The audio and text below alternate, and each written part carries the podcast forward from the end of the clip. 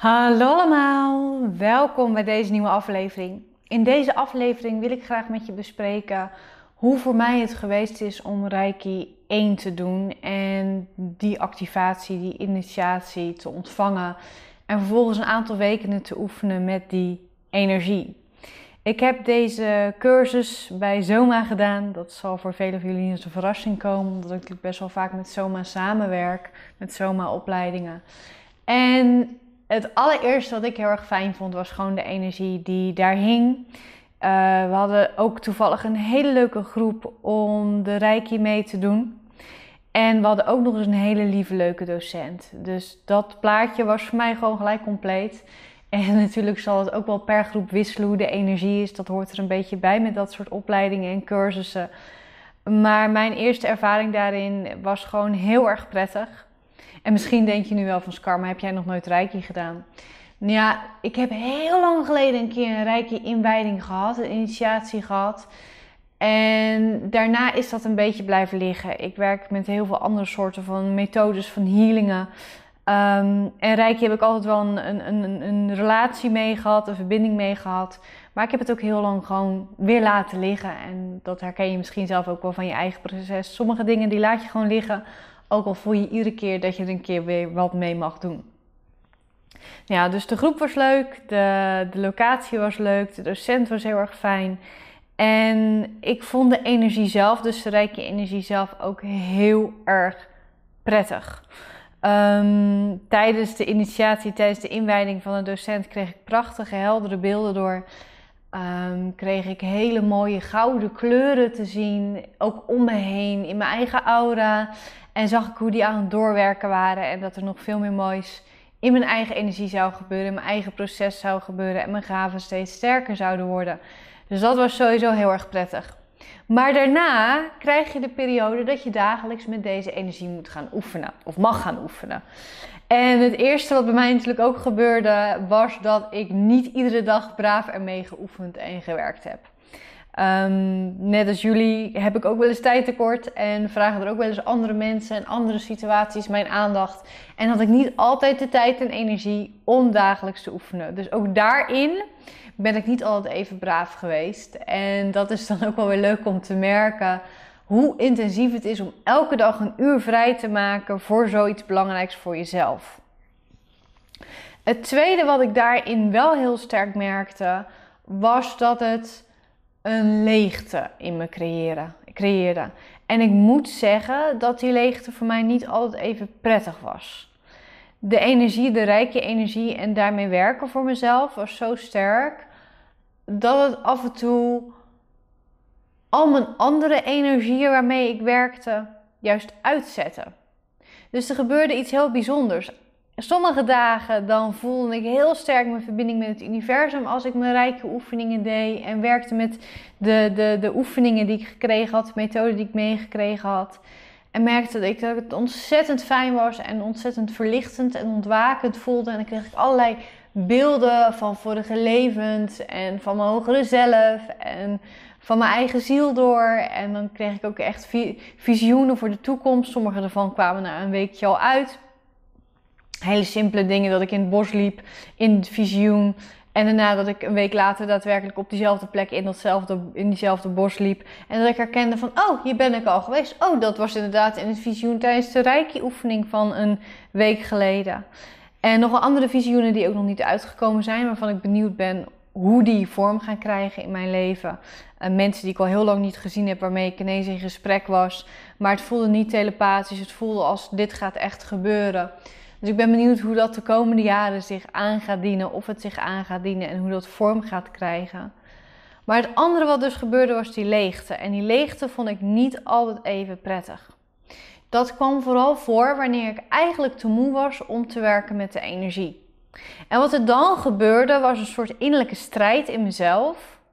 Waarin ik aan de ene kant heel secuur met die energie aan het werk was. En aan de andere kant ervaarde dat mijn systeem geen zin had om hiermee te werken. Dus wat gebeurde er? Die zette alles uit. Die zette gewoon alles uit. Mijn onderbewustzijn zette alles uit. Van ja, jij kan nu wel deze oefening wil doen, willen doen. Maar uh, ik heb hier helemaal geen zin in. Dus ik zet alles uit en dat zette dus ook mijn emoties uit. Dat zette mijn gevoel, mijn basisgevoel uit. En het creëerde ook dat ik geen beelden had. Ik had wel de gedachten, maar de gedachten waren heel gefocust op het visualiseren en het werken met de oefeningen. En dat voelde niet prettig. En ik denk ook dat dat voor mij een van de belangrijkste lessen weer is die ik eruit gehaald heb, opnieuw. Dat Reiki en ook andere dingen heel erg helend en heel erg activerend kunnen zijn. Zeker zo'n inwijding volgen, zo'n zo'n cursusdag volgen. En dat het echt als een prachtig, fijn, warm bad kan voelen, wat zo ontzettend veel goeds voor je kan doen. Maar dat het ook daarin weer heel erg belangrijk is om goed naar je systeem te luisteren. En goed te luisteren naar wanneer je behoefte hebt om met zo'n energie te werken en wanneer je systeem er geen zin in heeft.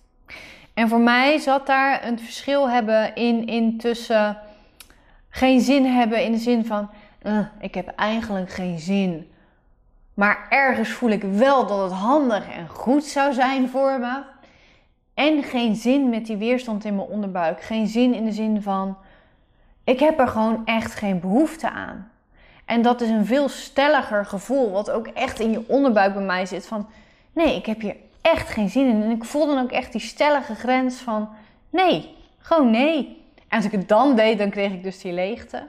Maar deed ik het juist wanneer, ja, eigenlijk heb ik er geen energie voor. Maar eigenlijk weet ik ook wel dat het goed voor me is. Als ik naar die geen zin en ik deed dan wel de reiki oefening en ik deed mezelf wel een behandeling geven. Ik gaf mezelf wel een behandeling dan was het juist heel erg helend.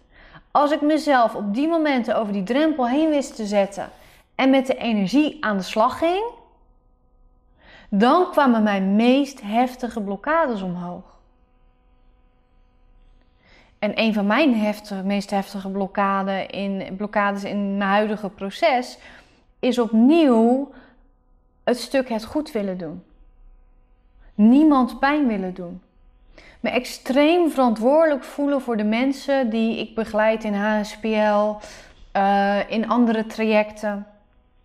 En ik kan daarin echt heel snel het gevoel hebben dat ik iets fout heb gedaan. En ik weet wel beter dan dat. Maar ik voel me verantwoordelijk voor wat er bij de ander speelt. En zeker als ik iets niet goed uitgelegd heb, of de verkeerde woorden gebruikt heb, of het toch iets beter uit had kunnen leggen. Of een mailtje niet helemaal goed gelezen had, verkeerd geïnterpreteerd had. Of als ik naar mijn idee de stof niet goed genoeg uitgelegd heb. Waardoor cursisten met vragen blijven zitten.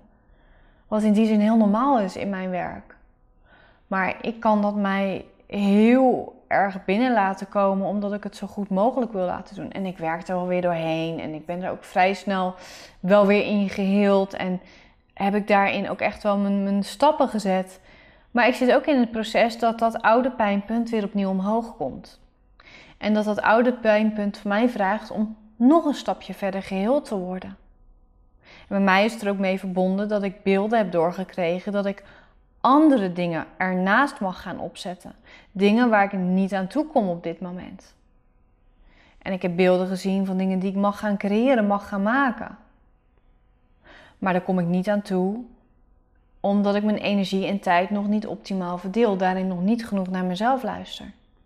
En omdat ik dus niet genoeg naar mezelf luister, voel ik me sneller te verantwoordelijk en kom ik in zo'n belemmerende cyclus terecht. Zo'n belemmerende, belemmerende visueuze cirkel. En dat kwam dus juist omhoog als ik mijn reiki-behandelingen deed, als ik er geen zin in had, maar wel wist dat het goed was om te doen. Dus voor mij kwam daar ook weer dat inzicht dat ik heb er geen zin in, maar eigenlijk weet ik dat het goed is om te doen. Of ik laat het liggen omdat ik er iets te moe voor ben en ja, dat ik nu eigenlijk Netflix wil kijken of dat ik nu eigenlijk even niks wil doen.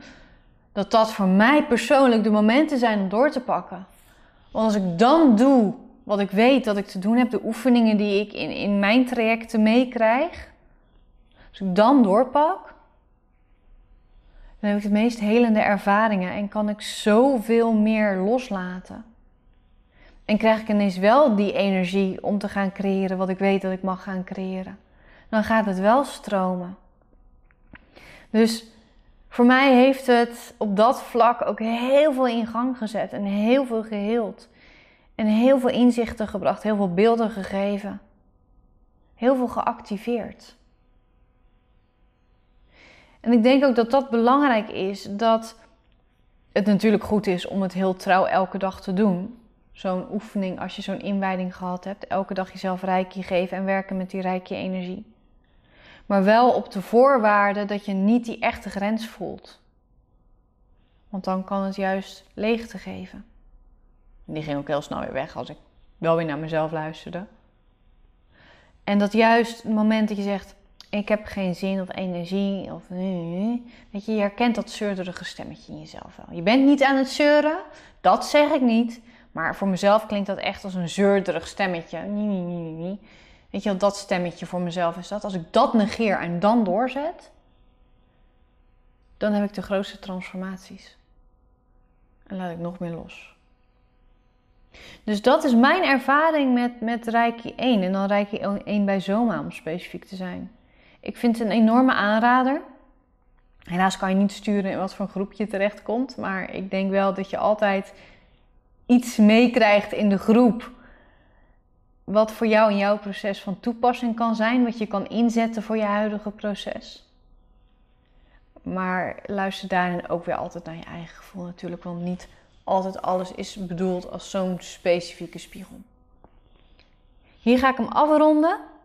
Ik hoop dat je wat hebt om op te kouwen voor jezelf. Juist ook over de ik heb geen zin varianten, want ik denk dat die voor iedereen wel interessant kan zijn om over te filosoferen. En hier ga ik hem echt afronden en wens ik je een waanzinnige mooie dag toe.